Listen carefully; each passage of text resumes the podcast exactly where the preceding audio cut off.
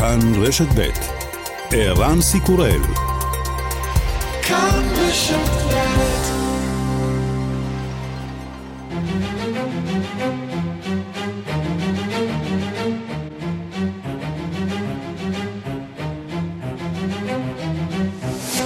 השעה הבינלאומית 11 ביולי 2022 והיום בעולם. במדינת יוטה מעריכים כי 700 זוגות ישראלים כבר נישאו באמצעות זום. המדינה המורמונית פתוחה לפי שעה לעוד נישואי ישראלים בשלט רחוק, שהוכרו השבוע בבית המשפט המחוזי. עם זאת גובר החשש שהאפשרות תיסגר בשלב כלשהו, בשל בחירתו של פקיד אוכלוסין חדש במדינה המורמונית, שלא נלהב מן ההליך. בורות הרווי, מנהל השירותים הציבוריים ומרשם האוכלוסין במחוז יוטה, אומר בריאיון בלעדי לכתבנו איתי שיקמן, אנחנו אופטימיים שהשירות יימשך.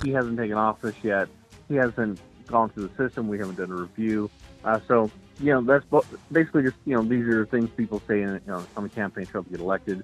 Uh, uh, פקיד המרשם מחדש עדיין לא בתפקיד, אין עוד בחינה של ממש של ההליך. אלה דברים שאנשים אומרים במסע הבחירות, כשהם נכנסים לתפקיד, הם מבינים יותר במה דברים אמורים. אני לא רואה אותנו מבטלים את שירות החתונות בזום בעתיד הנראה לעין. רצח ראש ממשלת יפן לשעבר שינזו אבה, ראש הכנסייה שבה חברה אמו של הרוצח, דוחה את הטענות כי הכנסייה אחראית לקריסתה הכלכלית. המתנקש טען כי רצח את אבה בגלל קשריו לכנסייה. אמו של החשוד טטסויה ימגמי היא חברה בכנסייה ומשתתפת בפעילות פעם בחודש. אנחנו יודעים שאמו ירדה מנכסיה, אומר ראש הכנסייה טומיהירו טנאקה, אבל אין שום עדות לכך שביקשנו מן המשפחה הזאת לתרום לנו סכום כסף גדול. בוסניה מציינת 27 שנים לטבח בסרברניצה, שבו טבחו כוחות סרבים כ-8,000 גברים מוסלמים. יום השנה מצוין היום באווירה מיוחדת, לאחר ש-50 גופות נוספות נמצאו בזירה בשנה האחרונה. היום הם הובאו לקבורה. המשפחות מוצאות בכך מעט נחמה.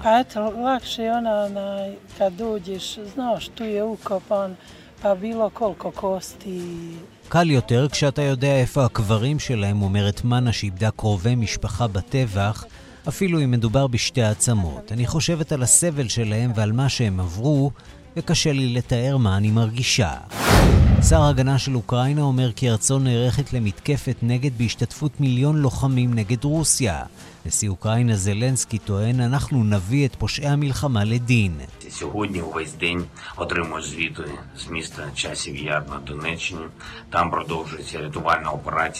הרוצחים הנאצים נמצאו והובאו למשפט גם בגיל 90 ו-100. צדים אחריהם בכל העולם. כמובן שאנחנו לא רוצים להמתין זמן רב כל כך, אבל אני נותן את הדוגמה הזאת כדי להבהיר שהעונש לכל רוצח רוסי הוא בלתי נמנע, ממש כמו הנאצים. ושלא יצפו שרוסיה תגן עליהם כשהנסיבות הפוליטיות ישתנו. וגם... אחרי השיר Running Up the Hill של הזמרת קייט בוש, גם השיר Master of Puppets של להקת מטאליקה לקראת קאמבק ענק, בזכות העונה הרביעית של סדרת האימה דברים מוזרים, שמחזירה שירים מהמתים.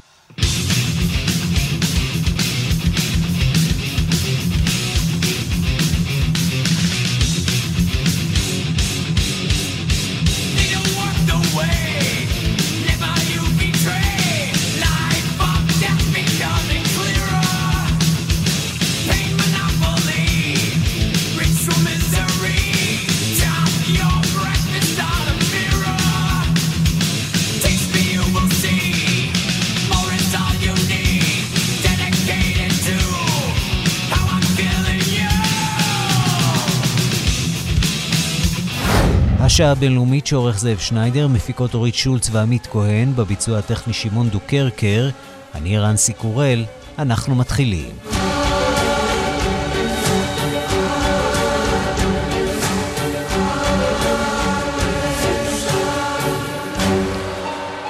שלום רב לכם. אתמול פרסם כתבנו איתי שיקמן את דבר הפסיקה התקדימית שחייבה את רשות האוכלוסין לרשום כנשואים זוג שנישא בזום דרך מדינת יוטה בלי לצאת אה, מהארץ. הפסיקה מגיעה כשנה וחצי אחרי שאתה, איתי שיקמן, שנמצא איתנו על קו הטלפון, חשפת ששלושה זוגות שנישאו בדרך הזאת כבר נרשמו ברשות האוכלוסין, אלא שהתערבות אה, שר הפנים דאז אה, דרעי הקפיאה את ההליך. מיד תביא כאן ראיון שקיימת אה, עם אה, פקיד האוכלוסין אה, במדינת יוטה, אבל עוד קודם לכן אולי תגובות לפרסום שלך מאתמול, איתי. כן, ערן, אנחנו שומעים את המערכת הפוליטית די רועשת סביב הפרסום הזה, לפחות האנשים שהנושא הזה הוא בדמם, אם תרצה, מן הצד המרכזי והשמאלי של המפה, אנשים כמו חברי הכנסת יוראי להב הרצנו, גלעד קריב, אלכס קושניר, שמברכים על הפסיקה התקדימית של בית, בית המשפט אל מול אה, חברי כנסת אה, מן המפלגות החרדיות כמו אורי מקלב או כמו אריה דרעי שאתמול משל, שולח מכתב ליועצת המשפטית לממשלה ובו הוא מתריע מן הסכנה וקורא לה לערער על אותה פסיקה תקדימית. בסופו של דבר, מאז הפרסום שלנו לפני כשנה וחצי, ששלושה זוגות הצליחו להינשא דרך מדינת יוטה, אנחנו מדברים על סך הכל משהו כמו כמה מאות uh, זוגות שניסו, ומיד באמת ניכנס לפרטים ביחד עם uh, ברט הרווי, מנהל השירותים הציבוריים ומרשם האוכלוסין במחוז יוטה. ראיון בלעדי אלינו לשעה הבינלאומית. הוא uh, מספר לנו קודם כל על התחושות שלו ושל האנשים שם, אחרי שהם שמעו על הפסיקה התקדימית במדינת ישראל. בואו נשמע. I think it's great. I think that's, um, I think that'll be, uh, I, I know couples in Israel, uh, the user service that they haven't gotten their marriage uh, recognized yet. I think it's, um, I think it's awesome that that'll be able to, uh, they'll be able to get their marriage recognized. That it's something that other couples can use. We're glad to offer the service. Uh, it was never our intention to, uh, you know, make this an international uh, thing that it's become, but uh, we're happy to provide the service for anyone who walks through our doors, uh, whether that be in person or uh, joining us from a, a remote location like like Israel.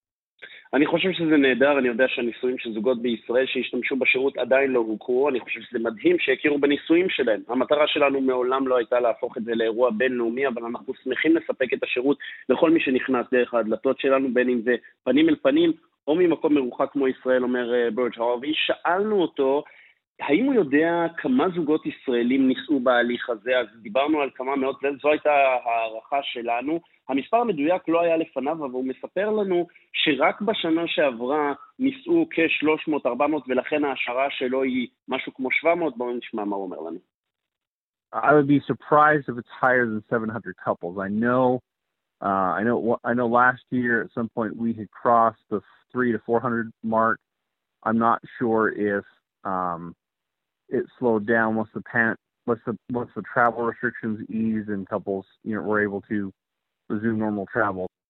אני אהיה מופתע אם זה יותר מ-700 זוגות, הוא אומר, אני יודע שבשנה שעברה עברנו בשלב מסוים את רף ה-300-400, אני לא בטוח אם זה האט כשהגבלות, הנסיעה הוקלו וזוגות יכלו לשוב לטיסות רגילות. עכשיו, הדבר המשמעותי ביותר שאנחנו מדברים עם ברט הרווי ערן קשור לבחירות שם, ביוטה בחירות מקומיות, נסביר, מחוז, הוא עובד במחוז יוטה שבמדינת יוטה, uh, המחוז הזה הוא זה שמקיים את הניסויים הללו, הניסויים בזום, בהצלחה רבה, אגב עסק כלכלי די משתלם בעבורם, יש מי שמתנגד לזה וממש uh, לאחרונה נבחר שם פקיד אוכלוסין חדש בבחירות דמוקרטיות, כך זה עובד שם, והוא uh, הצהיר במסע הבחירות שהוא רוצה לשקול מחדש, הוא שוקל לבטל את הדבר הזה מחשש להונאת בחירות או להונאה של אה, ציבור, פחות מהבחינה של עניינים שקשורים לנישואים אזרחיים, כן או לא, במדינת ישראל זה בטוח לא מעניין אותו, כי הדבר הזה פתוח לכל העולם. וברט הארווי מספר לנו שהוא לא כל כך דואג והוא לא רואה את השירות הזה מספיק. בואו נשמע. He hasn't taken office yet. He hasn't gone through the system. We haven't done a review. Uh, so you know, that's basically just, you know, these are things people say in, you know, on the campaign trail to get elected. Uh, but once they come in, can actually uh, have a greater understanding of what's going on. Um, that usually things will change. I don't see us eliminating this service really anytime in the near future. הוא עוד לא נכנס לתפקידו, עוד לא למד את המערכת, עוד לא הצגנו לו את הדברים, אלו דברים שאנשים אומרים במסע בחירות כדי להיבחר, אבל ברגע שהם נכנסים הם מבינים טוב יותר מה קורה, ולכן בדרך כלל דברים משתנים. אני לא רואה אותנו מבטלים את השירות הזה מתישהו בעתיד הקרוב, נסיים בנימה אופטימית, ברט הרווי את הריאיון הבלעדי שהוא מקיים איתנו ערן. דברים אה, משמעותיים, כ-700 זוגות אה, ישראלים כבר ניסו דרך מדינת יוטה, חשש שזה עומד להשתנות ועדיין אה, צפירת הרגעה מן המדינה המורמונית שבארצות הברית, ובשורה התחתונה, פסיקה תקדימית בבית משפט בישראל שמקבל את הנישואים הללו ואומר שיש לרשום אותם, כמובן, אנחנו לא מדברים על נישואים אזרחיים בישראל, אבל הוא אומר שיש לרשום אותם, אנחנו נצטרך לראות uh, כמה זה יהיה משמעותי הדבר הזה בעבור מאות אלפי אזרחים ישראלים שלא יכולים להינשא במדינת ישראל, כל אחד מטעמו הוא ערן. כן, והחשש הגדול אה, בקרב אותם זוגות אה, הוא שמישהו שם יסגור את הברז, אם כאן בישראל באמצעות אה, איזושהי חקיקה, מה שכנראה לא כל כך פשוט, או שם ביוטה. איתי שיקמן, כתבנו, תודה רבה. תודה, ערן. שלום לכתבנו בוושינגטון, נתן גוטמן. שלום ערן. נתחיל אולי במילה על הסיפור הזה, כיוון שיש כמובן נישואים אזרחיים שהם מוכרים בארצות הברית. הסיפור הזה נותן פתרון גם לזוגות חד-מיניים שמתחתנים בארצות הברית, ועכשיו יכולים לעשות את זה בשלט רחוק מכאן בישראל, אבל גם עתידם של הנישואים החד-מיניים הוא לא מובטח לאורך זמן בארצות הברית בעקבות הפסיקות האחרונות של בית המשפט העליון, נכון? אמ, לא, לא מובטח, אה, בעיקר בגלל שראינו את בית המשפט העליון הופך אה, אמ, אמ, הלכות קבועות אה, כפי שראינו בעניין ההפלות ולכן התעורר החשש הזה. כעיקרון, בית המשפט העליון עיגן את הזכות לנישואים חד מיניים והדבר הזה חוקי בכל מדינות ארצות הברית. למרות שוודאי היו מדינות שערערו על כך ולא אהבו את העניין הזה. אבל עכשיו בעצם אומרים פעילי זכויות אדם שמכיוון שבית המשפט העליון הוכיח שהוא יכול להפוך אה, אה, פסיקות קודמות, ומכיוון שהרעיון הזה של השימוש בזכות לפרטיות אה, המעוגנת בחוקה כדי להבטיח חירויות כאלה אינו מובטח, עוד מאוד יכול להיות שהיעד הבא יהיה הזכות לנישואים חד מיניים, זה לא קורה כרגע, אבל בהחלט יש חשש כזה. בוא נעבור מכאן אה, לסוגיות שמסעירות את אה, אמריקה. סטיב בנון, מי שהיה בעבר יועצו הקרוב של אה, דונלד טראמפ, הסכים להעיד בוועדת החקירה של הקונגרס שבוחנת את אירועי הפלישה לקפיטול בשישה בינואר. תחילה בנון סירב להעיד ועמד בפני משפט על ביזיון הקונגרס, אבל עכשיו הוא שינה את דעתו והסכים. מה גרם לו לשינוי הגישה ולמה העדות שלו היא כל כך חשובה לוועדה? כן, אה, בוא נגיד שקודם כל הוא לא אה, סתם אה, החליט בוקר אחד שהוא מעדיף לשתף פעולה ולהביא לציבור האמריקני את האמת, הוא נמצא בפני הליך משפטי, הוועדה קבעה שאין לו זכות לסרב להופיע בפניה, הוא טען שיש לו, הוא טען שהוא נהנה מפריבילגיה שניתנת לאנשים שעובדים עם הנשיא כדי להגן על זכותו של הנשיא לקבל החלטות, ולכן הוא לא חייב לשתף פעולה. הוועדה לא קיבלה זאת, התובעים הפדרליים לא קיבלו את זה והם אה, פתחו בהליך משפטי נגדו וזה היה יכול להוביל את אה, בנון בסופו של דבר לצרות משפטיות. לכן נמצא איזשהו פתרון בדמות מכתב שהעניק לו דונלד טראמפ בימים האחרונים, מכתב שבו הוא פוטר אותו אה, מהחובה להגן עליו. המכתב הזה צריך לומר, לא ברור מה הערך המשפטי שלו, סטיב בנון לא היה בכלל חבר בממשל בתקופה האמורה, ולא ברור שדונלד טראמפ יכול להעניק או לא להעניק אה, אה, את הפריבילגיה הזאת למישהו כאשר הוא נשיא לשעבר, אבל המכתב הזה משמש איזשהו אה, סולם שמאפשר לבנון לרדת מהעץ, ואכן הוא ימסור עדות בפני הוועדה מאוד בקרוב. למה בנון כל כך חשוב לעניין הזה? קודם כל אנחנו יודעים שהוא איש מאוד uh, מקורב לדונלד טראמפ, וגם אחרי שהוא עזב את הבית הלבן, הוא המשיך להיות מאוד פעיל, ולקראת השישה בינואר הוא היה בין הדוחפים המרכזיים לרעיון הזה שהבחירות נגנבו מדונלד טראמפ, ושאפשר עדיין לשנות את התוצאה. בין היתר הוא מצוטט כמי שאמר יום לפני הפלישה לגבעת הקפיטול בשישה בינואר, שהולך להיות שם בלאגן גדול, ולכן החוקרים בעצם וחברי הוועדה רוצים לדעת מה בדיוק הוא ידע, מה הוא תכנן, והכי חשוב, מה מזה הוא העביר לדונלד טראמפ. כי בסופו של דבר, אנחנו יודעים מה קרה בשישה אה, בינואר, מה שהוועדה הזאת מנסה לקבוע זה מי ידע ועד כמה טראמפ היה מעורב, ובהקשר הזה בנון הוא בורג מאוד חשוב. כן, והוא לא היחיד שמעיד, אה, יש עוד אה, רבים בממשל של טראמפ שלאט לאט אה, מתחילים מרצון או מחוסר רצון להגיע ולהעיד בפני הוועדה. התמונה שמתחוורת שם היא לא טובה מבחינתו של טראמפ. לא טובה מבחינתו של טראמפ, כי באמת, כמו שציינת, רבים בעצם מבינים את הלחץ בסופו של דבר, גם את החובה המשפטית להעיד שהם לא יכולים לחמוק ממנה לאורך זמן, וגם את העובדה ש... מי שלא יעיד בסופו של דבר עלול להיות זה שייתקע עם אה, הביקורת היותר חריפה של הוועדה, ודונלד טראמפ מסתכל מסביב ורואה הרבה אנשים מהמעגל הקרוב שלו, שהיו במעגל הקרוב שלו, שאכן משתפים פעולה עם הוועדה. זה לא נראה טוב לדונלד טראמפ כי התמונה שהוועדה מציירת, וצריך לומר, זו ועדה בסופו של דבר בעלת הרכב פוליטי, רובה, רוב חברי הוועדה הם דמוקרטים, מיעוטם הם רפובליקנים, אין לה סמכויות אה, משפטיות לכשעצמם, אבל התמונה הזאת שהוועדה מציגה, בעיקר בשימועים הפומביים שמרתקים את אמריקה בחודש האחרון, היא של דבר שהוא הרבה מעבר להסתערות של כמה מפגינים זועמים על גבעת הקפיטול. הם מציירים תמונה של מהלך מתוכנן היטב מצידו של דונלד טראמפ וכל האנשים שמסביבו, שנועד לערער על תוצאות הבחירות, להפיץ את השקר לפיהן הבחירות נגנבו למרות שהן לא נגנבו, ואחר כך באופן מתוכנן לנסות ולהפוך את ההכרעה הדמוקרטית של העם האמריקני, ובתוך התמונה הגדולה הזאת, דונלד טראמפ בהחלט לא יוצא טוב. נתן גוטמן, כתבנו בוושינגטון, תודה. תודה, ערן.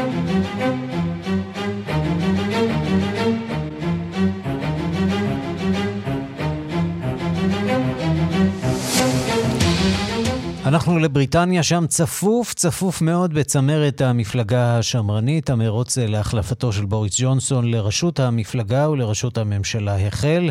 עד כה לא פחות מ-11 חברי מפלגה הגישו את מועמדותם, האחרונה שבהן היא שרת החוץ ליס טראס, שמצטרפת לשרי הקבינט לשעבר, רישי סונאק וסאג'יד ג'אביד, שהכריזו על המועמדות שלהם בשבוע שעבר. שלום לכתבנו בלונדון, עידו סואן. שלום ערן, כן, המרוץ בעיצומו. קרב צפוף. קרב צפוף מאוד שעשוי מאוד מאוד להידלל ממש בימים הקרובים. אה, כעת הנושא שתופס את מירב תשומת הלב הוא הקיצוץ במיסים, כשרוב המועמדים מבטיחים, אתה יודע, הבטחות uh, שיש יאמרו חסרות שחר, לקצץ במס כבר ביומם הראשון בתפקיד, כמו למשל טראס שהזכרת, שאף התנגדה בזמנו, uh, כך צוין, כן, עידו סואן, אתה איתנו? אני איתכם, ערן. כן, כן, שומעים אותך עכשיו. כן. אה, היא התנגדה גם בזמנו להעלאת מס אה, לביטוח לאומי, כך מכריזים תומכיה. אה, מי שעשויה להכריז על מועמדותה בהמשך היום היא פריטי פטל, כך מסרו תומכים שלה לסקיי ניוז, זה עדיין לא קרה, סיכוי גבוה שזה עוד יקרה, אבל כאמור המספר ילך ויצטמצם כבר בימים הקרובים, עד יום חמישי הבא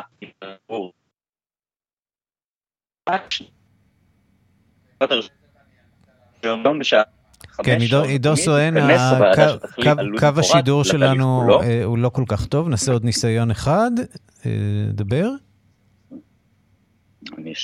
אני שומע אתכם, אתם שומעים אותי? כן, כן, שומעים אותך. אוקיי, אז אה, באמת יש כמה סבבים עד שיוכרזו שני המועמדים הסופיים, שייבחרו על ידי קרוב ל-100 אלף חברי מפלגת השמרנים. אה, זה יקרה ביום חמישי הבא, זאת תהיה הצבעה בדואר. בואו נשמע מה שאמרה תושבת לונדון אה, לנוכח הרצף המועמדים שהוכרז. תושב לונדון, כן. I think the sooner we get to a leadership contest, or at least to a reduction down to a handful of candidates so we can understand them properly, at Liz Trust too, to be fair, understand who they are properly and then get on with it. That's fine. There's too much to do on too many fronts. כן, יש יותר מדי לעשות, יותר מדי חזיתות, ככל שהתהליך אה, יהיה מוקדם, יסתיים מוקדם יותר, כך, כך יהיה טוב לכולם. אה, ערן, המועמד המוביל כרגע בטבלאות ההימורים, בפער די ניכר, הוא כמובן שר האוצר לשעבר רישי סונאק, הסיכוי שלו להיבחר הוא כרגע 30 אחוז. אה, הוא זוכה לפופולריות בקרב הציבור ובאמת לתדמית של מבוגר אחראי, שקול, ודווקא הוא, אה, לא, לא באופן מפתיע, נמנע מלפזר הבטחות לקיצוץ במיסים, דווקא המחליף שלו בתפקיד לפחות או יותר 24 שעות, נדין זהאווי, כך דווח בעיתונים, נמצא במוקד בדיקה כרגע של רשויות המס בשל העבר שלו עבר עסקי שכולל חברות שנרשמו מחוץ לבריטניה, לכן לא שילמו במיסים, הוא הגיב ואמר שהכל ייבדק. מי שעוד הכריז על מועמדותו ערן זה ג'רמי האן, זוכר? שר החוץ לשעבר mm-hmm. בממשלתה של תרזה מיי. בוא נשמע איך הוא הגיב לעיתונאי שתפס אותו הבוקר. Mr. Hunt, what made you join the race? Because I want to do a great job for my country, that's why. And the sun is shining. How are you going to unite the country? Uh, well, sort out our big economic and international problems. What are you going to bring to the Conservative Party? I have to go now. כן, הוא לא, לא חשף הרבה, תגובה מנומסת, אני רוצה להיטיב עם, עם, עם, עם המדינה, ומעבר לזה הוא לא ממש אמר שום דבר. בינתיים ערן בניו קאסל, יושב ראש הלייבור קיר סטארמר, נאם הבוקר, הוא אמר שהמועמדים להחליף את ג'ונסון עסוקים במעין מרוץ חימוש למה שהוא קרא fantasy economics, כלומר אקונומיה, סליחה, כלכלה של, של פנטזיה. של פנטזיות, כן. כן, הוא ציין בין השאר שכל אותם מועמדים תמכו בג'ונסון בשעתו, כמו גם בלא פחות מ-15 העלאות מס שהתבצעו במהלך שנות כהונתו של ג'ונסון, ואילו ג'ונסון עצמו התראיין היום בסקיי ניוז, לראשונה מאז הכריז על התפטרותו, הוא דווקא דיבר על הצורך בהשקעה במדע, תוך שהוא ממשיך להבטיח לקיים את הבטחותיו לבוחרים בשבועות הספורים שנותרו לו בתפקיד, אבל באילו הבטחות בדיוק מדובר, לא ממש ברור כרגע. אתה יודע, יש נושא שקצת פחות מדובר פה ברשימת המועמדים, והוא העובדה שרבים מקרב המועמדים הם לא ממוצא אתני אירופי-בריטי. וזה בהחלט מעיד על איזה נכון. סוג של חילופי דורות שמתחוללים שם במפלגה השמרנית, בכלל בבריטניה. בריטניה הרבה יותר פלורליסטית מבחינה גזעית, וזה מתחיל לקבל ביטוי גם בצמרת הפוליטית. אם אכן שר האוצר לשעבר יהיה ראש ממשלת בריטניה, הוא יהיה ראש הממשלה הראשון שאיננו ממוצא בריטי-אירופי, וזה בהחלט כן. מעניין. עידו סואן כתבנו בלונדון, תודה רבה. השעה הבינלאומית אוקראינה עכשיו, המלחמה שם ממשיכה לגבות את חייהם של אזרחים חפים מפשע. אתמול נהרגו 18 בני אדם בהפצצה הרוסית במזרח אוקראינה. השלטונות בקייב האשימו כי רוסיה פוגעת באופן מכוון באזרחים, ובינתיים הצבא האוקראיני מתכוון לפתוח במתקפת נגד על מנת להשיב את השליטה על אזורים שנכבשו במזרח המדינה. שלום לכתבנו במזרח אירופה ניסן צור. שלום ערן. איפה עומדת המלחמה כרגע? אז ככה, אז כמו שבאמת אמרת, 18 בני אדם נהרגו, עשרות נפצעו אתמול לאחר שמתקפת טילים רוסית פגעה במספר בנייני מגורים בעיירה חסיב יער במזרח אוקראינה. צוותי חירום פעלו שם שעות ארוכות, למעשה גם בשעות האלה עדיין נמשכים ניסיונות החילוץ של הפצועים, יש שם הרבה מאוד פצועים בתוך הריסות הבניינים, יש שם חמישה בנייני מגורים שנפגעו שם. ואפשר לשמוע את נשיא אוקראינה, וולודימיר זלנסקי, מתייחס להפצצה הזו בחסיב יער אתמול. Сьогодні увесь день отримую звіти з міста Часів Яр на Донеччині. Там продовжується рятувальна операція після російського удару. אני מקבל לאורך כל היום דיווחים מהעיר חסיב יער באזור דונצק. מתבצע שם מבצע חילוץ לאחר מתקפה רוסית על בנייני מגורים. שני בנייני מגורים רבי קומות נהרסו. עשרות אנשים נמצאים מתחת להריסות. שישה ניצלו, יש חמישה עשר שמות ברשימת ההרוגים, ולצערי זהו לא המספר הסופי, כך אומר זלנסקי, עוד לפני שבאמת נודע שמספר ההרוגים עלה מאז. שני אזרחים נוספים נהרגו אתמול בהפצצה גם על העיר סיברסק במזרח אוקראינה, ודיווחים מהיום בבוקר מצביעים על כך שעוד שלושה אזרחים נהרגו בהפצצה רוסית בעיר חרקיב, גם שם יש עוד עשרות פצועים וניסיונות כרגע חילוץ שלהם. גורמים רשמיים באוקראינה הזהירו בימים האחרונים כי ערים שונות באזור לוהנסק במזרח אוקראינה כבר עומדות בפני אסון הומניטרי עקב המצור הרוסי עליהם. זלנסקי גם האשים את רוסיה כי היא פגעה באופן מכוון באזרחים בהפצצה גם אתמול בחסיב יער וגם בהפצצות אחרות, ואמר כי העונש, העונש לכל רוצח רוסי הוא למעשה עונש בלתי נמנע. במהלך הנאום הלילי שלו הלילה הוא גם טען, זלנסקי, כי הכוחות הרוסיים אינם עוצרים לרגע את התקיפות האוויריות, ורק ביממה האחרונה ביצעו 34 תקיפות, והוא ניצל את הנאום על מנת להשוות, ולא בפעם הראשונה אגב, את הפעילות הצבאית של רוסיה לפעילות הנאצית של הצבא הנאצי, ואמר כי בדומה לקצינים הנאצים, גם הקצינים הרוסיים יועמדו בשלב מסוים לדין. אפשר לשמוע גם את הדברים האלו. Знаєте, нацистських вбивць знаходять і судять навіть тоді, коли їм вже виповнилось по 90 чи 100 років. אתם יודעים, רוצחים נאצים נתפסים ומובאים לדין גם כאשר הם בני 90 או 100. הם נלכדים בכל העולם. אנו כמובן לא רוצים להמתין כל כך הרבה זמן, אבל אני נותן את הדוגמה הזו כדי להראות שהעונש הוא בלתי נמנע עבור כל הרוצחים הרוסיים. בדיוק כמו לגבי הנאצים, הם לא צריכים לצפות שהמדינה שלהם תגן עליהם. רוסיה תהיה הראשונה לנטוש אותם כאשר הנסיבות הפוליטיות ישתנו, כך טוען לפחות זלנסקי. ובינתיים אוקראינה עצמה מזהירה, הרשויות האוקראיניות, השלטון, מזהיר את התושבים בערים כמו חרסון, זפוריז'ה, להתפנות לקראת מתקפת נגד שהצבא האוקראיני מתכנן לפתוח בה בימים הקרובים, בניסיון להשתלט מחדש על האזור, אזור שנכבש על ידי הצבא הרוסי כבר בתחילת המלחמה בסוף חודש פברואר. סגנית ראש ממשלת אוקראינה, אירינה ורשצ'וק, אמרה כי ברור שיהיו קרבות קשים, יהיו הפגזות ארטילריות, ולכן אנו קוראים לתושבים להתפנות מהאזורים האלו. ועוד דיווחים מהיום בבוקר, אגב, באוקראינה, מתפרסמים כי הנשיא זלנסקי ביקש מראשי הצבא להכין כוח צבאי מיוחד של מיליון בני אדם, שיצוידו בנשק מערבי, גם ממדינות המערב, גם מנאט"ו, במטרה לכבוש מחדש את כל אזור דרום אוקראינה. אזור בעיקר הים השחור, אזור שנכבש על ידי הצבא הרוסי, אז אוקראינה די משיבה מלחמה בתקופה האחרונה.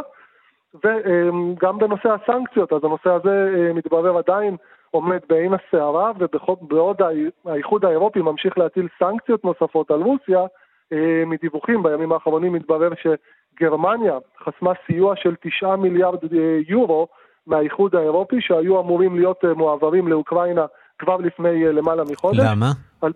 על, על, פי הדיווח בעיתון האיטלקי קוריירה דה לסרה, שר האוצר של גרמניה, קריסטיאן לינדנר, הוא זה שהתנגד ולמעשה חסם את המענק של 9 מיליארד יורו מהאיחוד האירופי לאוקראינה, מחשש ליצירת חובות כלפי האיחוד האירופי.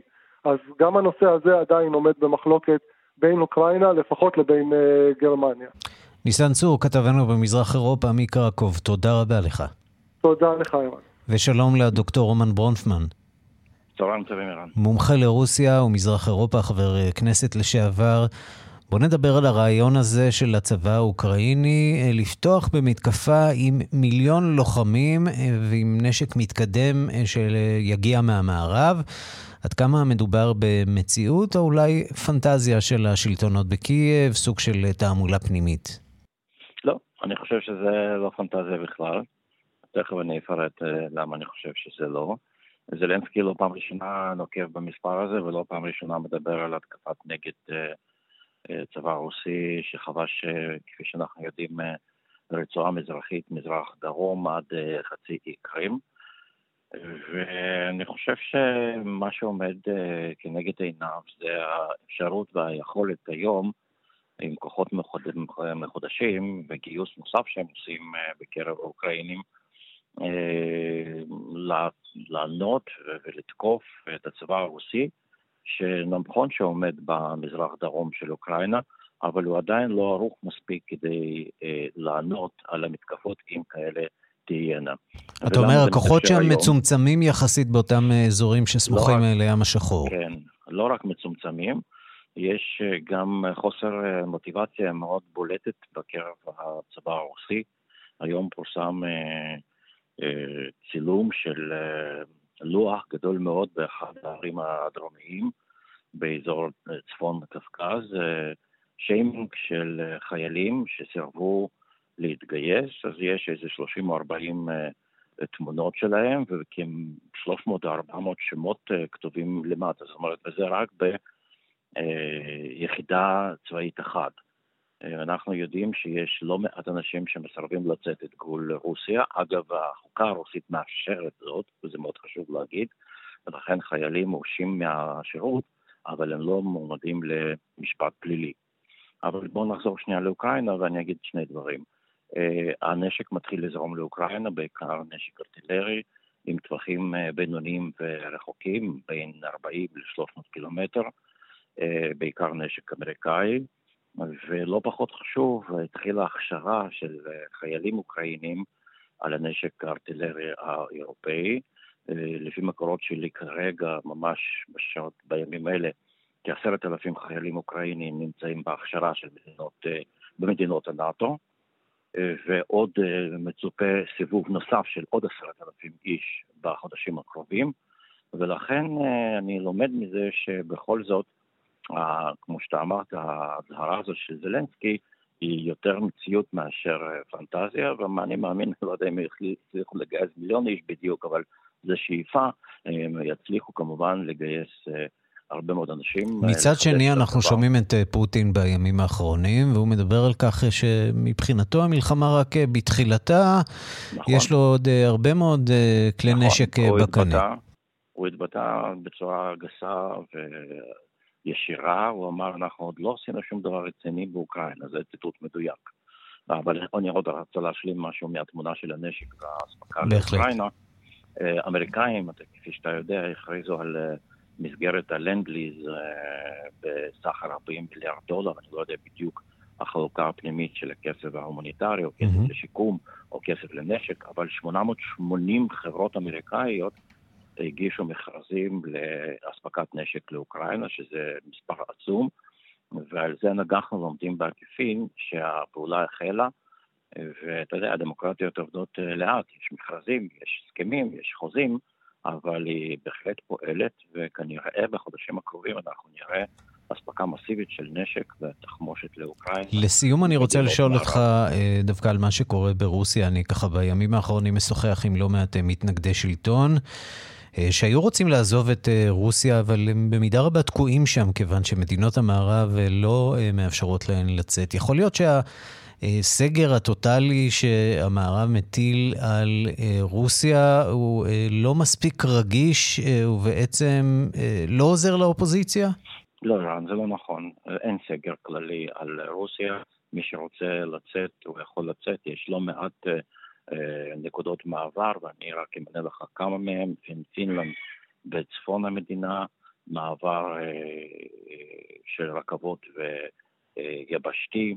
את אה, מדינות אה, מזרח, אה, מזרח הרחוק, מדינות אסיה ומדינות כמו טורקיה וישראל, שאיתם מתקיימים גם קשרים תעופתיים. אז לכן אין שום מגבלה. אגב, גם מדינות קפקז, רוסים יכולים לצאת גם לגרוזיה וגם לארמניה. מי שרוצה באמת לברוח ממשטרו של פוטין ומרוסיה יכול לעשות זאת. יש תקועים, תקועים מסיבות אישיות, בריאותיות, חברתיות, אפילו עסקיות. אבל אין מגבלה כזאת. מי שלא יכול באמת לצאת את רוסיה, וזה מהחלטתו של אה, שלטונות רוסיים, זה עובדי המדינה. עובדי המדינה באופן מוחלט, יש להם איסור מוחלט לצאת את המדינה. דוקטור רומן ברונפמן, מומחה לרוסיה ומזרח אירופה, חבר כנסת לשעבר, תודה רבה לך. תודה רבה וכל טוב. לפחות 19 בני אדם נהרגו במהלך סוף השבוע בשני אירועי ירי בדרום אפריקה. בשבת בערב נהרגו ארבעה בני אדם אה, במזרח המדינה ו-15 בני אדם בירי אתמול אה, בבר בסואטו, פרבר של יוהנסבורג. הדיווח של עורכת ענייני אפריקה, רינה בסיסט. דרום אפריקה באבל לאחר שני אירועי ירי קטלניים, בשבת בערב ואתמול. לעת עתה נראה כי שני האירועים הללו אינם קשורים, וגם סיבת היריות לא ברורה. מה שכן ברור הוא שהאירועים האלה רק מוסיפים לאלימות המתגברת מאוד בשנים האחרונות ברחבי המדינה. חוסר הביטחון נמצא בכל מקום. התקפות במרכזי קניות, חטיפה אלימה של מכוניות, פריצות אלימות במיוחד לבתים, ועוד ועוד. האירוע הראשון קרה בפרבר במזרח דרום אפריקה, בעיר פיטרמריצבורג שמחוץ לדרבן. שני אנשים חמושים באקדחים ורובים נכנסו לבר בעיירה בסביבות שמונה בערב והחלו לירות בקליינטים. ארבעה אנשים נורו למוות ושמונה נפצעו. האירוע השני היה דומה מבחינת ההתנהלות שלו. אנשים חמושים נכנסו לבר בעיירה סווטו שמחוץ ליוהנסבורג והחלו לירות ללא הבחנה. 15 אנשים נהרגו. מספר הפצועים לא ברור עדיין. Ach, it's disgusting that we have every week South Africans being shot at. Whether sometimes by South Africans, by the way. This is not a, a foreigners issue. It's disgusting that we've normalized the idea that South Africans die every week and we bury them. It's very sad. זה פשוט נורא שכל שבוע יורים באזרחים דרום אפריקנים, ולפעמים היורים הם גם דרום אפריקנים, כך שזו ממש לא בעיה חיצונית. זה נורא שזה הפך לרגיל ונורמלי, שדרום אפריקנים מתים כל שבוע, ושאנחנו קוברים אותם. עצוב כל כך. עדים שהיו במקום האירוע בסואטו מספרים על בהלה כללית ועל מראות קשים במיוחד.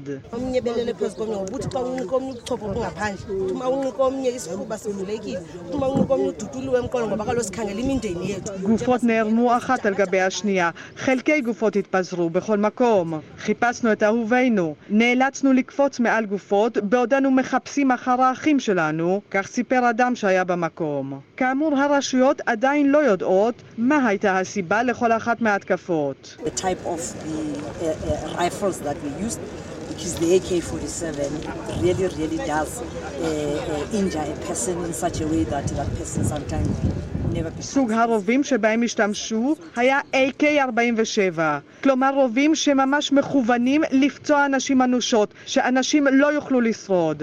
אני מאשרת ש-15 אנשים נהרגו באירוע בסואטו, כך אמרה אתמול פקידה בכירה בממשלה המחוזית. דוחות מדרום אפריקה מעידים ששלושת החודשים האחרונים היו קטלנים במיוחד. מספר מקרי המוות ברבע הזה של השנה גבוה ב-22 אחוזים לעומת מספר מקרי הרצח בשנה שעברה. כאן רינה בסיסט. השעה הבינלאומית, אנחנו מכאן לעניינים שהסעירו את uh, הרשתות בעולם הערבי. שלום לקשב תחום הערבי מידו קורן. שלום ערן. השבוע ביקור היסטורי של נשיא סוריה בשאר אל-אסד בעיר חלב שבצפון מערב סוריה.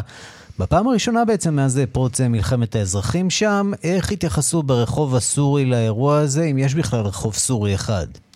אה, כן, אז הרחוב הסורי באמת אה, מפוצל, אבל אה, קודם כל נסביר. באמת יותר מעשור הראיס אסד לא הגיע לעיר חלב, ואחת הערים באמת העתיקות ביותר בעולם ומהגדולות ביותר בסוריה. בפרוץ המחאות אז, בעשור הקודם, החלו קרבות קשים שהחריבו את העיר חלב באמת כמעט לחלוטין. 30 אלף אנשים נהרגו במלחמה אז.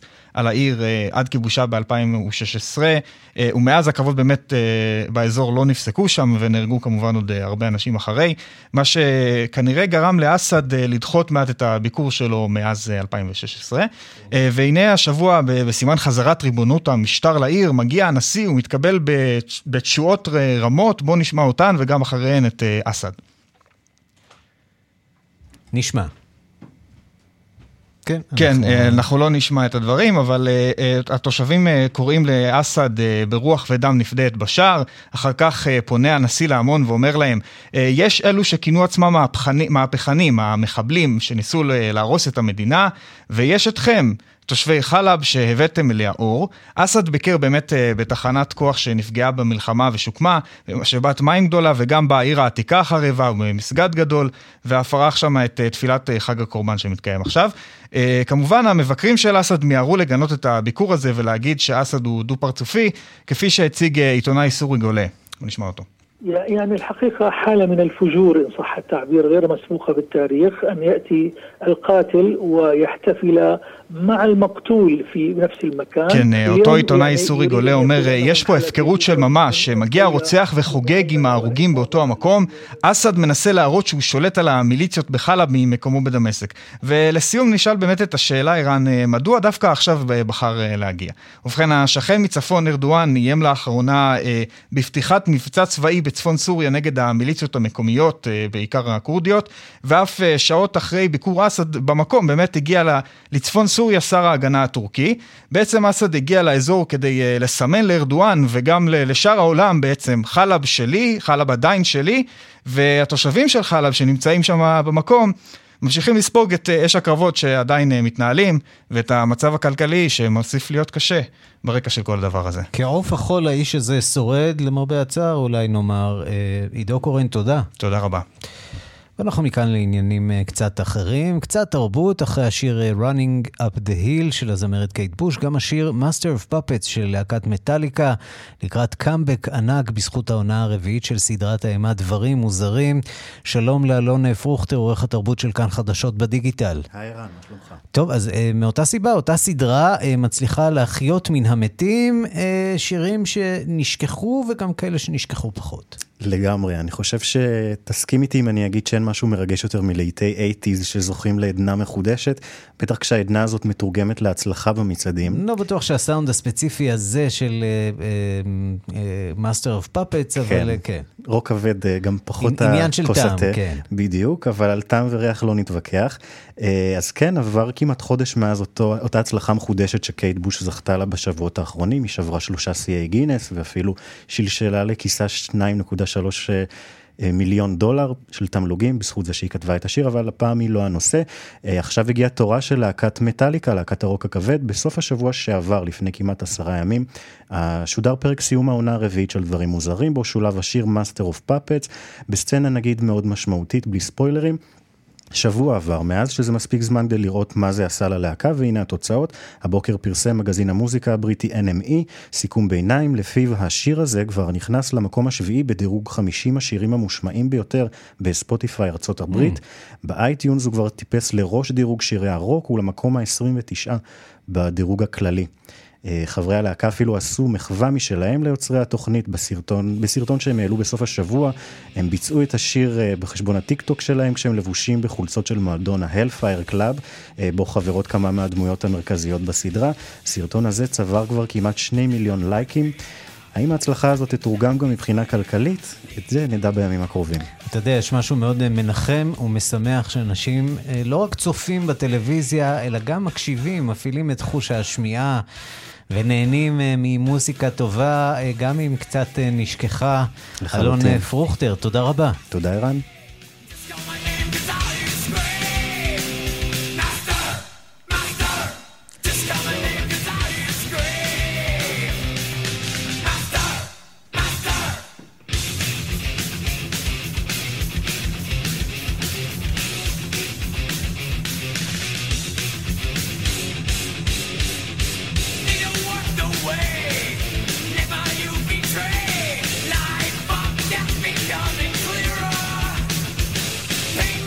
כן, ועם הצלילים האלה נחתום עוד מהדורה של השעה הבינלאומית שערך זאב שניידר, מפיקות אורית שולץ ועמית כהן, הטכנאים לריסה בלטר כץ, יוסי תנורי ושמעון דוקרקר, אני ערן סיקורל, רגעי קסם עם גדי לבנה מיד אחרינו. אנחנו נפגשים שוב מחר בשתיים בצהריים עם מהדורה החדשה של השעה הבינלאומית. ועד אז המשיכו להתעדכן 24 שעות ביממה ביישומון של כאן, כתובת הדואר האלקטרוני של השעה הבינלאומית, בינלאומית את כאן. www.org.il. חפשו אותי בטוויטר, ערן סיקורל. אני שם. להתראות.